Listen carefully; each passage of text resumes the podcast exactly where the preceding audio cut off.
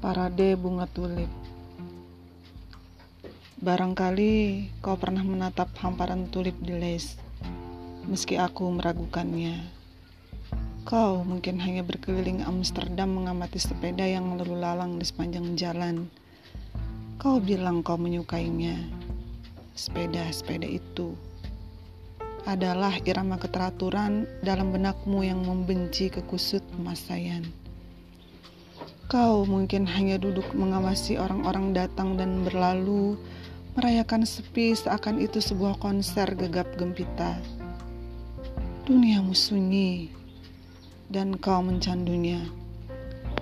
Kau hanya menengok keluar saat orang-orang meneriakkan namamu, mengajakmu minum secangkir kopi atau menyanyikan sinatra sesekali. Ada kalanya. Satu dua peristiwa membuat langkahmu melambat tapi akhirnya kau kembali bersama halusinasi tentang masa tua yang tenang. Kemarilah, tertawalah di parade bunga tulip Damrak Street. Ada begitu banyak bunga tulip. Kau yang menanamnya. Kau petani bunga yang bersungguh-sungguh, kau tahu. Menyiram, merawat, kau bahkan bernyanyi untuk bunga-bunga itu maka tertawalah dan tetap tertawa. Berhenti merayakan masa tua yang tak pernah tiba itu. Bunga-bunga tulip menunggumu. Ini parademu, bukan begitu?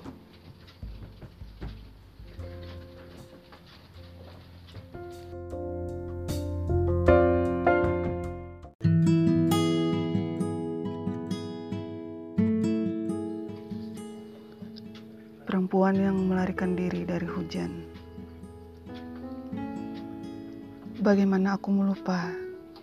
Tanyanya menuntut entah pada malam yang beraroma pohon, barangkali pada sisa hujan yang menggenang memasuki tanah perlahan.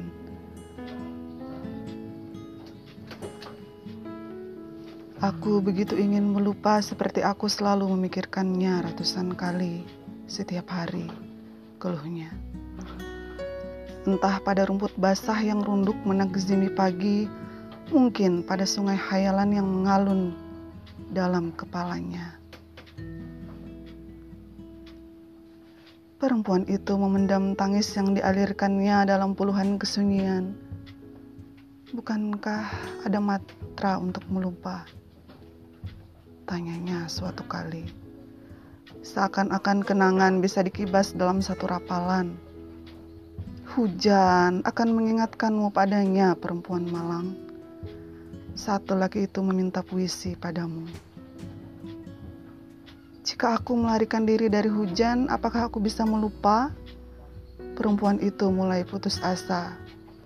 Hujan akan mengikutimu kecuali kau sanggup menikamnya.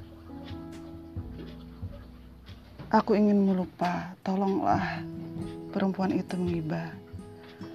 Sementara kenangan terus menghujamnya dan hujan terus menjadi kenangan, perempuan itu kuyup dalam air mata. Aku akan melupa, tentu saja. Perempuan itu akhirnya pulang menuju senja. Langkahnya tertatih menyeret rindu, tak perlu disampaikan padanya bahwa ia tak akan pernah bisa melupa.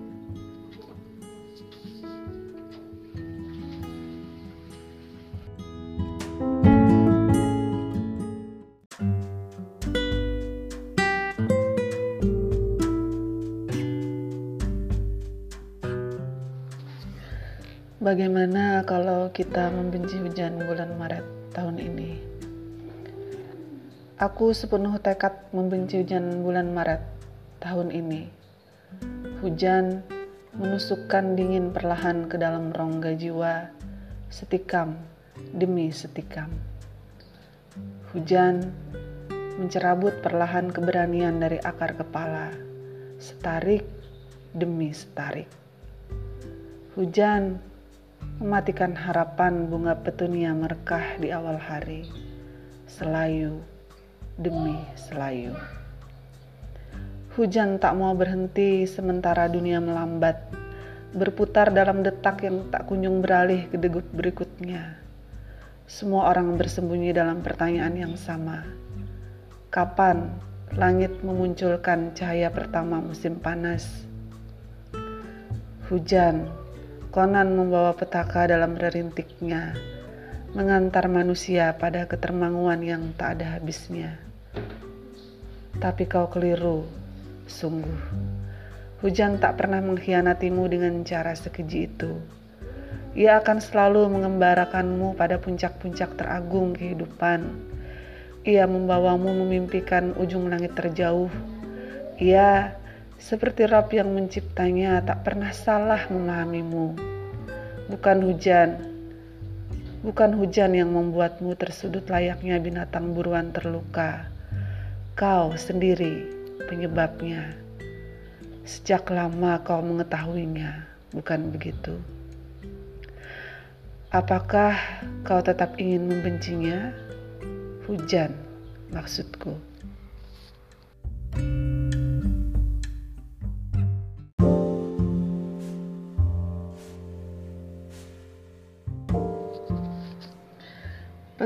Jukung Seorang renta di tepi dermaga Menatap bayangan kota yang luruh di tikam senja Pikiran yang tak lagi setia menungguinya melarutkan jukung-jukung dalam kenangan. Ia dan desau air yang menerbitkan rindu. Jarak yang terlantun dari satu lanting ke lanting yang lain adalah irama pagi yang meliuk dalam urat nadinya. Seorang renta di tepi dermaga menatap bayangan kota yang ditelan kelam Pikirannya masih pergi berkelana mencari jukung-jukung yang tak lagi merapat, terlunta di antara kecipak bakau dan luka dalam dadanya. Jukung yang entah mencari dermaga yang mana, jukung yang tak pernah memintanya serta merantau di antara muara. Pandangan rentanya berkaca. Malam tak memperlihatkan tangisnya yang tanpa suara ia tak berniat pulang. Tak ada yang mau diajak bicara tentang jukung, lanting, maupun bakau. Malam ini, seperti malam-malam sebelumnya, matanya nyalang menangkap suara. Dayung beradu air, dayung dari jukungnya yang lama mengembara tanpa memintanya serta.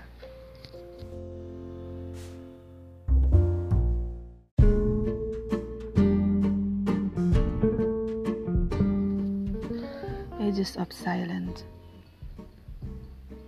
Kukirimkan padamu kata.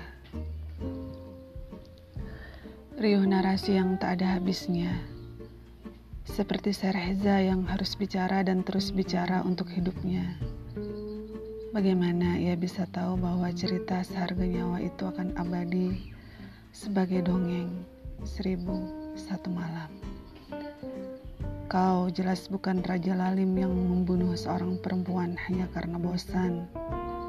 Tapi kau terendap dalam hening ribuan percakapan, tersesat di dalamnya. Barangkali kau mengutuki hari di mana kita pernah bicara untuk pertama kalinya. Tapi aku tak pernah menyesalinya. Bahkan ketika kau melarikan diri dari kata yang semakin rimbun di antara kita seperti saudagar dari Baghdad yang melarikan diri dari maut. Kau tahu bukan? Mereka akhirnya bertemu di Samara.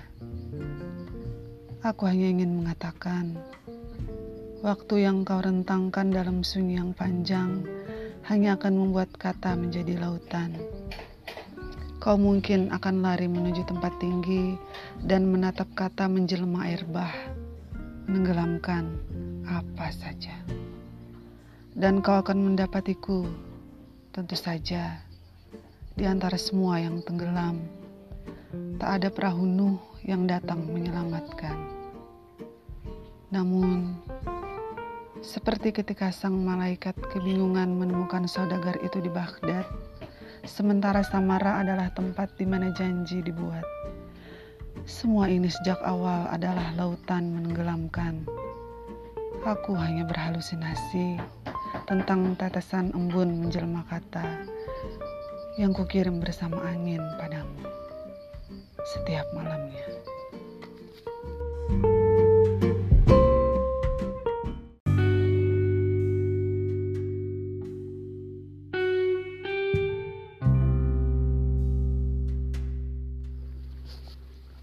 Menerka sepi. Aku mendapati sepi menjelma guru mengaji yang tak lagi mengenali santrinya. Santri yang lupa bagaimana mengeja surah Al-Ikhlas. Sepi. Mendekam cemas sang guru yang merasa dunia terlampau riuh. Aku mendapati sepi menjelma lelaki tua yang mendandang madihin sendiri saja. Karena tak seorang pun mau melantun bersamanya. Sepi mendekap senandung luka lelaki dalam bayangan senja. Aku mendapati sepi menjelma pemuda balai yang tak bisa lagi mendengar suara di sudut terjauh hutan karena telah nyata dibungkam deru pemotong kayu.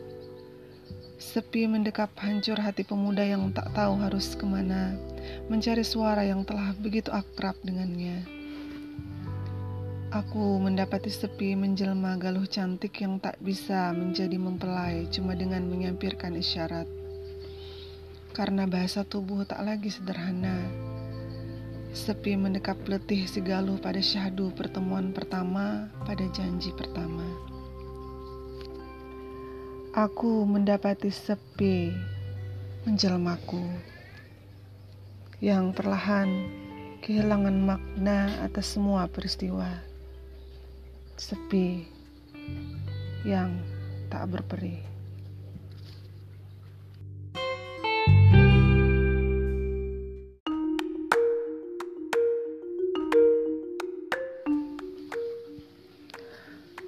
Aragorn,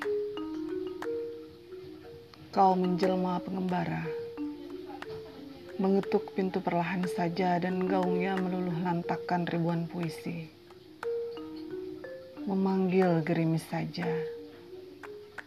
Badai datang meluruhkan narasi apa pun yang menggema di pekat udara. Kau pengembara itu, begitu diam, dingin. Senyummu membuatku bermimpi tentang negeri benderang dengan seribu matahari, salju mencair di matamu dan malam menjelma suaramu yang minta didongengkan epos kota kelahiran, sementara kau juga dengan setia menuturkan kisah dari tempat-tempat yang jauh. Maukah kau tinggal? Sementara mata pedangmu menjanjikan perang yang akan kau menangkan untukku dan baju zirah yang kupasang berasal dari bisikanmu tentang keberanian. Kau, satria penakluk jiwa-jiwa mati, di lembah orang-orang mati dan harau. Belati yang kuhunus tepat di jantung para ork terbuat dari binar ketakzimanmu. Ketakziman yang hanya untukku milikku. Pada malam-malam di mana kau begitu murung, kau tak akan mendengar apa pun selain nyanyian pengantar tidur, nyanyianku istirahatlah dalam harapan-harapanku. Kau pengembara yang kelak pergi dalam ritmis kabut tanpa hujan. Beribu kali aku mencoba menawanmu dalam puisi, dalam hujan. Tak tahukah kau? Ayawan yang malang. Mana mungkin kau bersaing dengan seorang peri?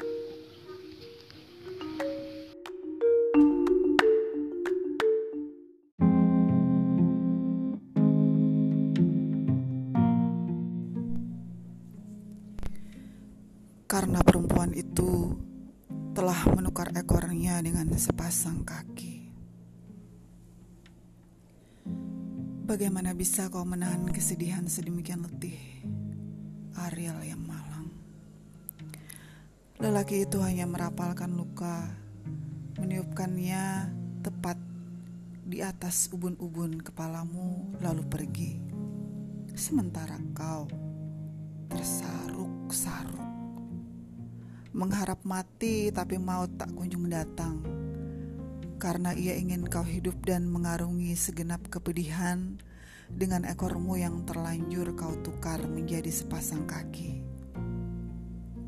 Kau menunggunya, lelaki itu, seperti pemimpi yang ingin sampai di puncak dunia. Barangkali kau memimpikan hal yang sama. Lelaki itu ujung dari mimpi-mimpimu, puncak segala hasrat. Dan kau menyeret sepasang kaki rapuh itu ke arahnya berharap dia akan menyambutmu dengan seerat pelukan dan sekukuh genggaman. Ia bahkan tak mengenalimu. Kau perempuan bodoh. Pulanglah. Kembali ke lautan air matamu yang semakin lama semakin pasang. Berenanglah dengan ekor yang telah menjadi sepasang kaki. Ekor yang tak bisa lagi mengarungi lembah dan karang laut terdalam. Tenggelamlah bersama penyesalan bahwa cinta telah diciptakan dan kau adalah tumbal yang mengenaskan.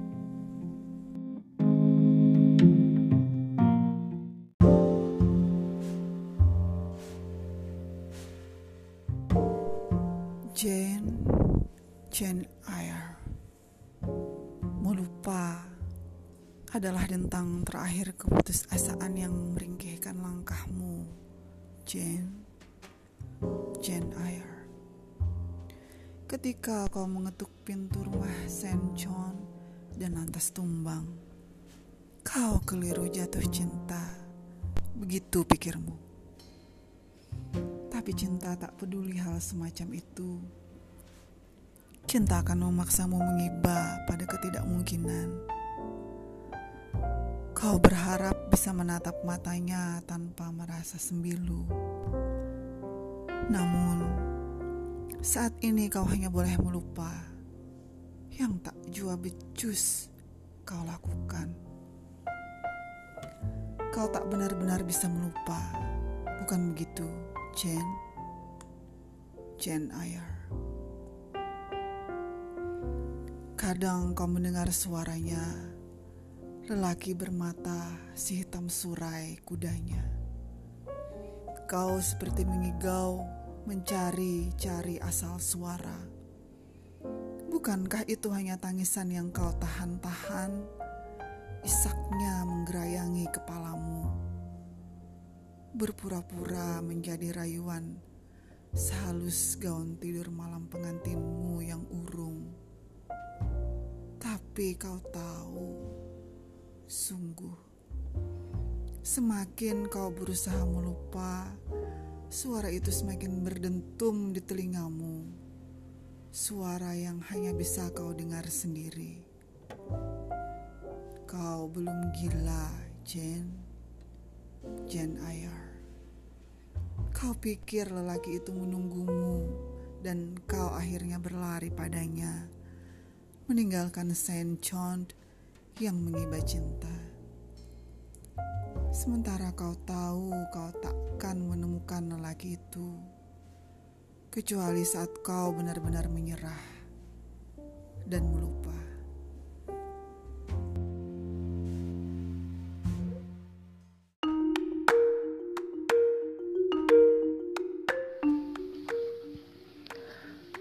Aragorn, kau menjelma pengembara, mengetuk pintu perlahan saja dan gaungnya meluluh lantakkan ribuan puisi. Memanggil gerimis saja. Badai datang meluruhkan narasi apa pun yang menggema di pekat udara. Kau pengembara itu, begitu diam, dingin. Senyummu membuatku bermimpi tentang negeri benderang dengan seribu matahari. Salju mencair di matamu dan malam menjelma suaramu. yang minta didongengkan epos kota kelahiran, sementara kau juga dengan setia menuturkan kisah dari tempat-tempat yang jauh. Maukah kau tinggal? Sementara mata pedangmu menjanjikan perang yang akan kau menangkan untukku dan baju zirah yang kupasang berasal dari bisikanmu tentang keberanian. Kau, satria penakluk jiwa-jiwa mati di lembah orang-orang mati dan harau. Belati yang kuhunus tepat di jantung para ork terbuat dari binar ketakzimanmu. Ketakziman yang hanya untukku milikku. Pada malam-malam di mana kau begitu murung, kau tak akan mendengar apa pun selain nyanyian pengantar tidur, nyanyianku. Istirahatlah dalam harapan, harapanku. Kau pengembara yang kelak pergi dalam ritmis kabut tanpa hujan. Beribu kali aku mencoba menawanmu dalam puisi dalam hujan. Tak tahukah kau? Ayawan yang malang, mana mungkin kau bersaing dengan seorang peri?